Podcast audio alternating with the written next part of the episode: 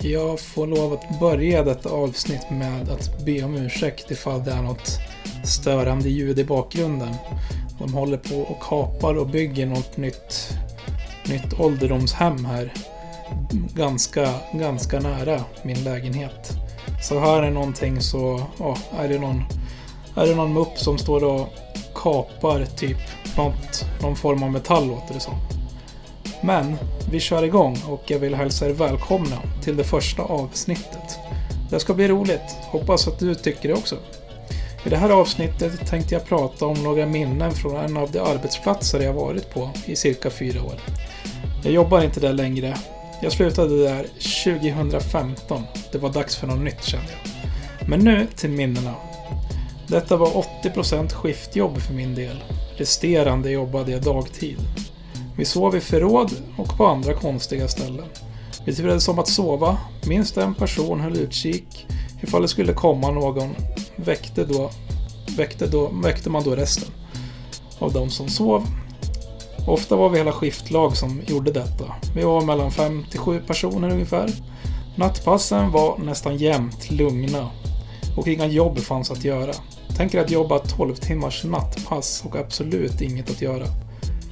Det finns liksom inte så många alternativ förutom att sova. Kände vi i alla fall. Man sov även i fikarummen, vilket många andra också gjorde.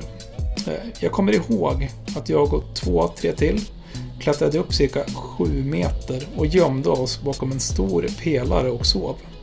Just det utrymmet hade kameraövervakning, men just bakom den där pelaren, där syntes vi inte. Rätt sjukt ändå att man får betalt för att sova. Ledningen visste såklart om det här, men de brydde sig inte.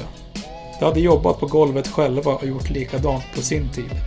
Detta görs garanterat än idag. Jag har svårt att tänka mig att det har, att det har upphört. Det var så många andra företag som gjorde detta också på samma ställe. Så vi var inte ensamma det företaget Det jobbade åt. Men alla gjorde det här i stort sett. Det fanns väl några som skötte sig jättebra. Men vad gör man när det inte finns någonting att göra? Vi spelade i och för sig väldigt mycket kort. Men det orkar man inte hur länge som helst. Man sov. Man sov och spelade kort och käkade godis för att försöka hålla sig vaken. Men det funkar inte hur länge som helst. Eh, men jag tror att det här var allt för det första avsnittet. Jag, tycker, jag hoppas att det här har varit underhållande och att vi hörs i nästa avsnitt. Vill du skriva till mig? Då finns min mailadress i beskrivningen. Ta hand om er så länge så hörs vi snart igen. Hej!